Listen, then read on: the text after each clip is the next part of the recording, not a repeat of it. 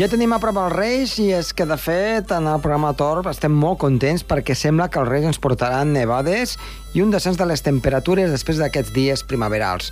Avui, en el Tor, parlarem, entre d'altres coses, d'aquesta situació que s'està vivint o que es viurà aquest cap de setmana del que està passant a l'altre costat de l'Atlàntic, a tot el que és l'hemisferi nord, a la zona d'Amèrica del Nord, Canadà i els Estats Units, amb una onada d'aire fred que feia anys que no es veia i amb nevades molt importants, i també comentarem notícies de l'àmbit científic. Tot això i molt més en el programa Tor.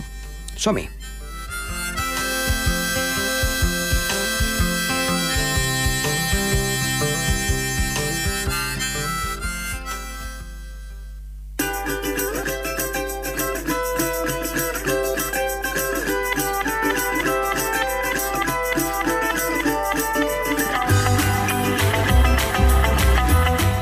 Iniciem el programa parlant amb Sergi Càrceles. Sergi, bon any. Hola, bon any i bona tarda.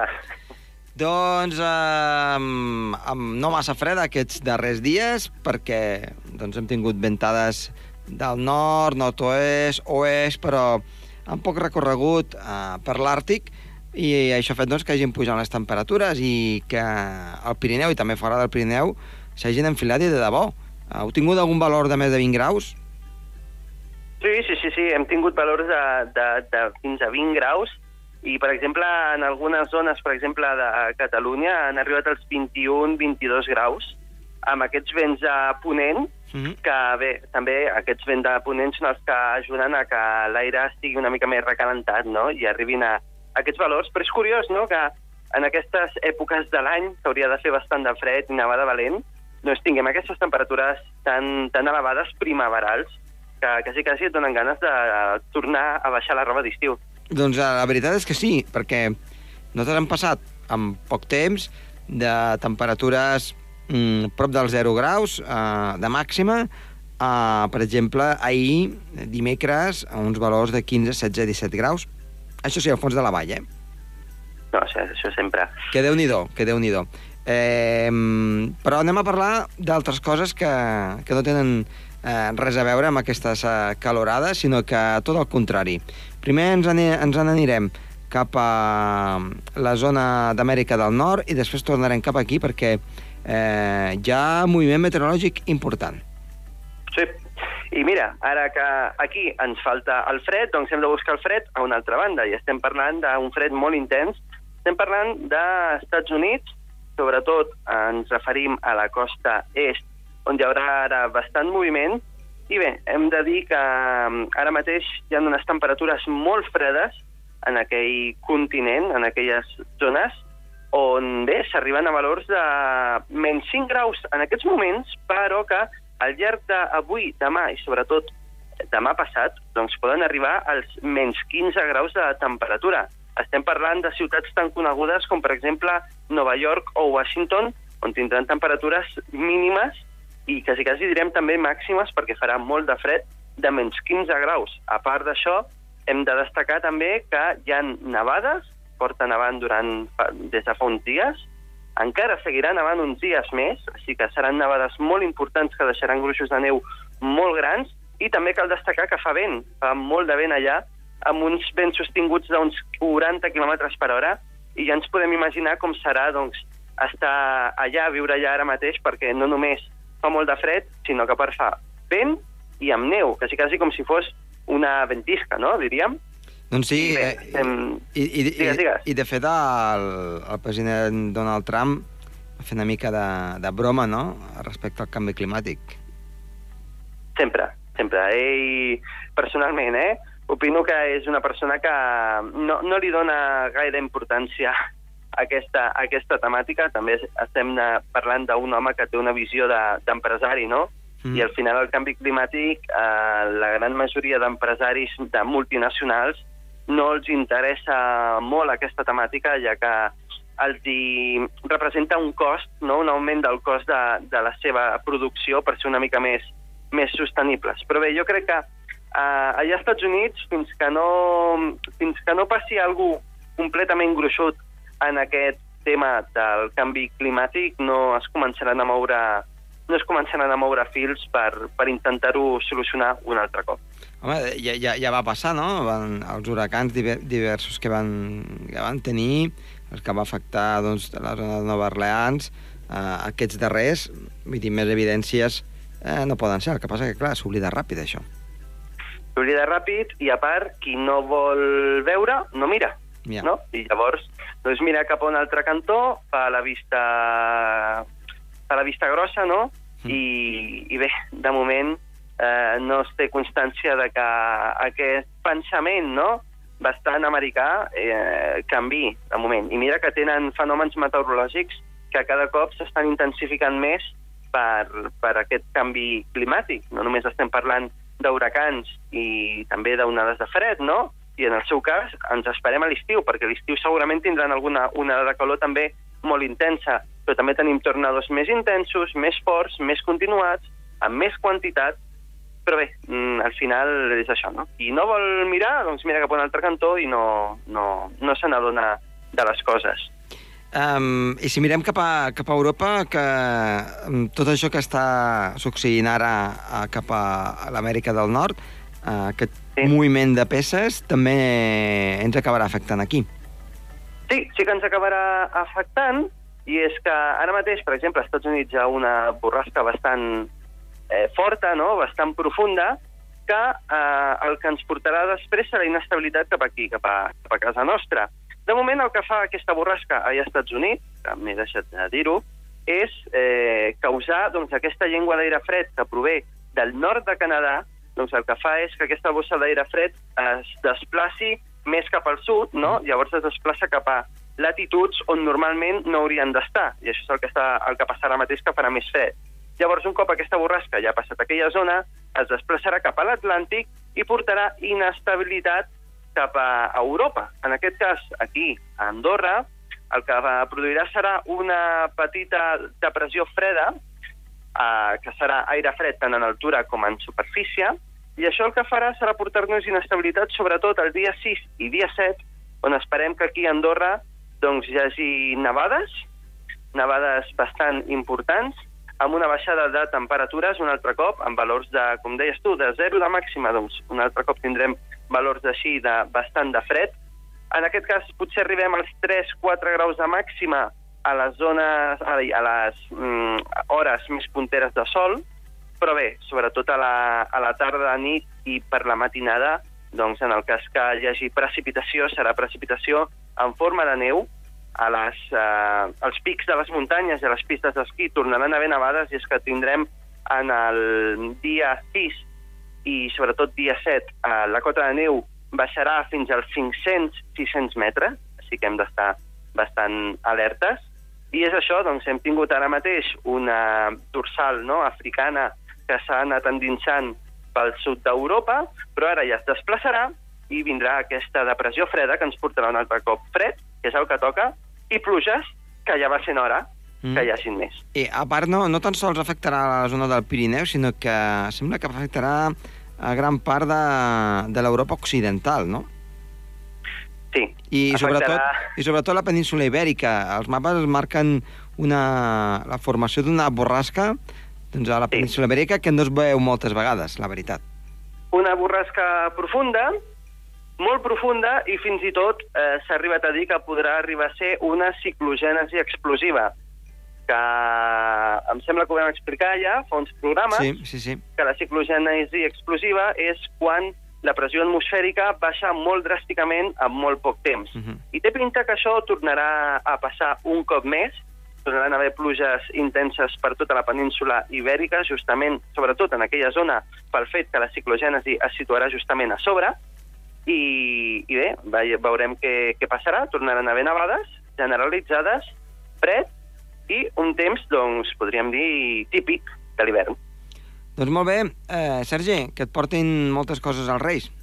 Igualment, molt que bé. vagi molt bé. Vinga, que, que vagi bé. Adéu-siau. Gràcies. Adéu.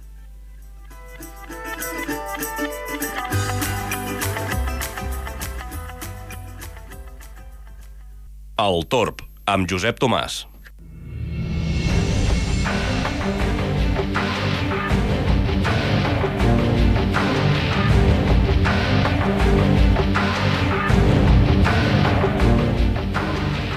Avui volem parlar de tres notícies que ens han semblat eh, força importants, unes notícies de caràcter científic i també una mica des del punt de vista meteorològic, o si més no, del medi ambient. La primera d'elles eh, parlarà de captura del CO2, del diòxid de carboni, la segona dels neutrins, de les partícules fantasma, i la última parlarem sobre el planeta Mar i sobre l'empresari Elon Musk, al qual, a part de voler enviar un coet cap a Mar, i vol implantar una estació, en aquest cas, que doncs, eh, martitzaria o, per dir-ho d'alguna manera, faria possible la vida en aquest planeta.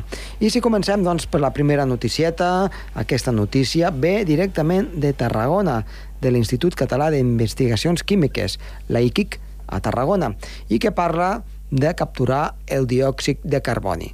Com s'ha fet això? Doncs anem-ho a comprovar de la següent manera. Resulta que investigadors d'aquesta àrea de eh, química de Tarragona, aquesta investigació que es fa doncs, a tota l'àrea de les petroquímiques de Tarragona, concretament a l'IQIC, ha fet un nou material, ha portat a terme unes investigacions en el qual el CO2 que s'expulsa per una xemeneia industrial pot ser reutilitzat, evitant així la seva dispersió a l'atmosfera. I finalment, eh, amb aquest CO2, fer-lo servir per altres usos, com per exemple la gasificació de begudes carbonatades, Fantes, Coca-Coles, Sprites, etc etc, um, gaseoses, sifons, tot allò que vostès puguin imaginar que porta gas de begudes, en aquest cas uh, refrescant. Aquesta és una de les moltes possibilitats de reaprofitar aquest CO2 que d'altra banda s'andava cap a l'atmosfera i que per d'altra banda també doncs, eh, té una gran demanda. Una, una gran demanda. Com ha estat això? Doncs eh, la forma ha estat, si més no, sorprenent. Han agafat una mescla de gasos que s'introdueixen dintre d'un cilindre buit fabricat amb unes noves membranes filtradores. Aquestes noves membranes, amb un material molt específic, són les que eh, finalment atrapen aquestes molècules de CO2 i fan que es comportin d'una manera diferent i que sigui molt fàcil separables perquè van a diferents velocitats. Malgrat tot, eh, s'ha trobat que hi ha una certa, eh, unes certes impureses i en el moment de mm, fer servir aquest material, la purificació d'aquest eh, gas, eh, diguem-ne, que s'introdueix en aquests cilindres o aquest biogàs, podríem dir, obtingut, eh, es pot fer servir per la fermentació de purins de, del bestiar, dels porcs. I amb això també es podria, per exemple, doncs, fermentar les, aquelles escombriaires eh, que siguin orgàniques. Per tant, aquí es formaria un, una sèrie de gasos, al qual un d'ells, que és el CO2, podria ser reutilitzat i els altres doncs, ser utilitzats amb més eficiència i portar-los cap a altres usos industrials com per exemple la fabricació d'electricitat. Aquesta mescla de gasos, en un principi, és complicada, eh, fer la seva separació, però gràcies a aquestes membranes doncs sembla que a poc a poc se'n va traient una mica l'entrellat i fa que la separació, finalment, del CO2 respecte als gasos sigui molt més veloç. Com dèiem, una vegada feta aquesta separació, aquest biogàs es pot utilitzar per exemple, en una mateixa explotació de porcs, doncs per fer energia, tant de llum com calefacció, com, per exemple, a distribució a la xarxa doncs, de llum, perquè seria, diguem-ne, que la pròpia fabricació de la teva energia, la teva sobrant, com que no l'utilitzis, la poguessis vendre amb una xarxa doncs, comunal, amb una xarxa que altres persones se'n poguessin aprofitar. Això sí, eh, aquest biogàs ha de ser d'una gran puresa superior al 98%. Per tant, és una, és una situació que sembla que pot ser molt bona eh, que una vegada separat aquest CO2, una vegada aquest CO2 doncs, eh, està dins de, dels conductes reglamentaris, eh, es poden fins i tot fer servir eh, en aquest cas de manera que produeixen energia elèctrica. Actualment, en el món hi ha unes 500 plantes que refinen aquest biogàs que es podria obtenir amb un 94% que estan a Europa i les altres distribuïdes arreu del món. Es pensa que es poden quintuplicar en menys de 5 anys. Per tant, d'aquí l'any 2020 ja podrien haver moltes més indústries d'aquest tipus i que serien d'un gran ajut per tots nosaltres i per abaratir, si més no, l'energia elèctrica. La segona noticieta doncs parla de les partícules fantasma. Unes partícules fantasma, eh, les quals s'anomenen neutrins. Tots hem sentit a parlar una mica dels neutrins. Però per fer-ho molt senzillament, són unes partícules elementals que no es veuen afectades ni per la força electromagnètica ni per la nuclear que sí que uneix els quarks en forma de protons i neutrons. Per tant, els neutrins poden interactuar eh, mitjançant altres forces, com ara la força dèbil o mitjançant la força de la gravetat. Els neutrins són difícils de mesurar, però eh, tots els cossos astrofísics, eh, doncs, per exemple, un cos astrofísic seria el Sol, emeten neutrins. La major part de la font de neutrins que nosaltres tenim més a prop, ja ho hem dit, és la nostra estrella, que és el Sol, que produeix dos neutrins electrònics per cada nucli d'heli, creat a partir de la fusió de l'hidrogen, que és el que diguem-ne, dona l'energia del Sol, al final ens dona la llum, ens dona la calor, ens dona doncs, l'activitat solar. Això correspon a uns 66.000 milions de neutrins per cada centímetre quadrat, per tant, moltíssim, i a més a més per segon. Tot això arriba cap a la Terra. Eh, què vol dir? Que si aquests neutrins fossin doncs, nocius, nosaltres ja no existiríem. Per tant, els neutrins per nosaltres són del tot inofensius. Eh, cal dir que a hores d'ara hi ha una multitud d'experiments per la seva detecció i que eh, en la naturalesa eh, existeixen eh, doncs, arreu i a més a més s'estan estudiant de poder-los trobar en el que seria la matèria fosca, que és pràcticament el 75% de la matèria que hi ha a l'univers i encara no es coneix exactament el que és. I gràcies a aquests neutrins seria una font d'investigació per anar una mica més enllà. I acabaríem amb una notícia que ja fa temps que va sortir però que creiem que té doncs, eh, molt bona tirada. I és que eh, s'està pensant que cap a l'any 2020, atenció, l'any 2020, ja sigui possible que al planeta Mar hi hagi una base espacial contínua i amb astronautes, o amb marcians, podríem dir. De fet, l'empresari Elon Musk, propietari de la companyia aeroespacial SpaceX, en un congrés astronàutic internacional, ara fa aproximadament un, un any, va presentar un projecte per colonitzar el que seria el planeta Mar al llarg d'aquesta propera dècada va presentar una versió evolucionada de la seva nau espacial que ja havia fet realitat, però per colonitzar Mar significa que ha de tenir eh, doncs una evolució molt més gran i una eficàcia doncs, pràcticament del 100%. No pot fallar una nau espacial quan l'envies a l'espai. A més a més, el que vol és reutilitzar eh, completament les naus espacials. Diu que això és el secret de tot plegat. Per què? El que encareix moltíssim les naus espacials és que els coets que et porten cap a l'espai i que et donen el combustible mm, finalment doncs, són llançats a l'espai o retornen a la Terra i es desintegren. Si això no es desintegra, es pot reutilitzar i, per tant, aquí podríem tenir la clau de tot plegat. Eh, quan valdrà anar cap al planeta Mar? Aproximadament ell pensa que entre 100.000 a 200.000 dòlars americans. Això significaria doncs, entre 80.000 a 170.000 euros.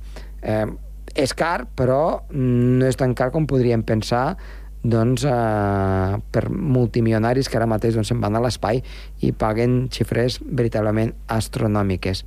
Per recuperar aquesta nau, eh, com diem, cap a viatjar a mar, eh, l'objectiu principal és recuperar el 100% del cost d'aquesta nau en el seu llançament i així els costos doncs, eh, es van abaratint i moltes més persones hi poden anar amb molts menys diners. Quan arribaria aquesta nau a mar?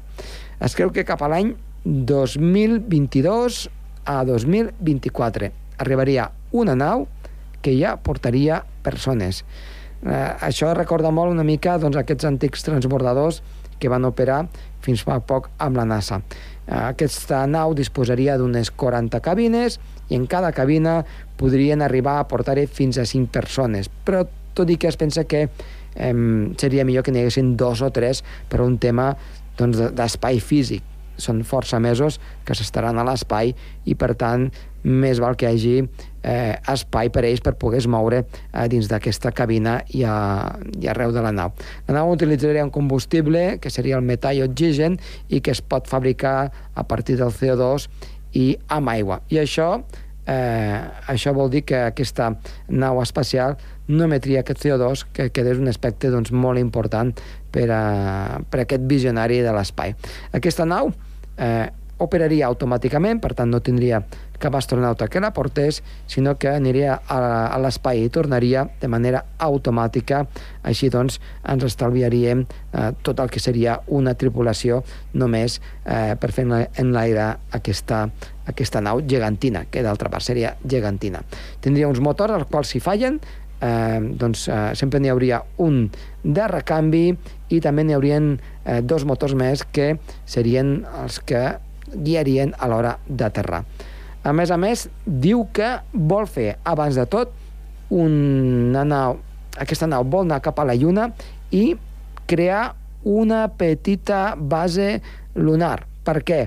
Doncs bàsicament perquè és un salt qualitatiu per després anar a mar. Estem més a prop i gastaríem menys combustible i la situació des de la Lluna cap a mar és molt més senzilla que no pas directament cap a la Terra. I es creu que en aquest sentit aquestes naus ja podien arribar a mar a l'any 2022. Això sí, encara sense passatgers, a partir del 2024 sí que hi arribarien amb passatgers. Allí doncs, eh, trobarien recursos d'aigua, eh, a part de que ja el CO2 es podia convertir doncs, amb diferents elements químics que serien importants tant per combustible com també per fer possible la vida en aquestes eh, petites naus, en aquests primers campaments d'aquest planeta. I per acabar, atenció, aquesta nau, que aniria a una velocitat de 27.000 km per hora, no tan sols es podria utilitzar per viatjar a planeta Mar o qualsevol lloc del planeta eh, de, del sistema solar, volem dir, sinó que es faria servir per viatjar per la Terra, fent possible que destinacions que ara mateix ens triguen eh, 10-12 hores, en tan sols mitja hora poguéssim arribar, per exemple, de Londres a Nova York o de Nova York a Shanghai una situació que faria que pràcticament en menys d'una hora podríem anar a qualsevol lloc del món. Veurem si això és possible. No queden molts anys aquest, eh, aquest eh, doncs, magnant de, del planeta Mart. Aquest senyor és un impacient eh, ho ha demostrat amb totes les coses que ha anat fent i per tant té bastanta pressa, ho vol veure en vida i això doncs sí que eh, ens dona l'esperança que potser sí que no arribarà a mar però que hi hagi doncs, eh, alguna base lunar això és més que possible i ho veurem en els propers anys.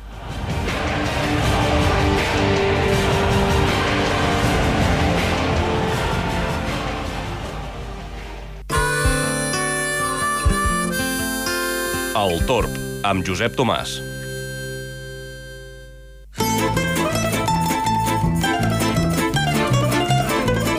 Doncs la previsió pel cap de setmana, atenció, el dissabte matí encara tranquil·litat, però a partir del migdia i la tarda, si van a la muntanya, tornin cap a casa, perquè ve una perturbació molt activa, núvols i precipitacions. Primer, cota de neu 1.700 metres, que anirà davallant cap als 1.000 metres i ja de nit i matinada. I al llarg de diumenge, de ben segur que està per sota d'aquesta cota, nevant a 800-700 metres d'alçada, inclús per davall. Per tant, situació difícil durant aquest cap de setmana, dissabte a la tarda i diumenge, amb nevades molt abundants als cims de les muntanyes en general a tot el Pirineu. Precaució i màxima responsabilitat quan vagin a la muntanya.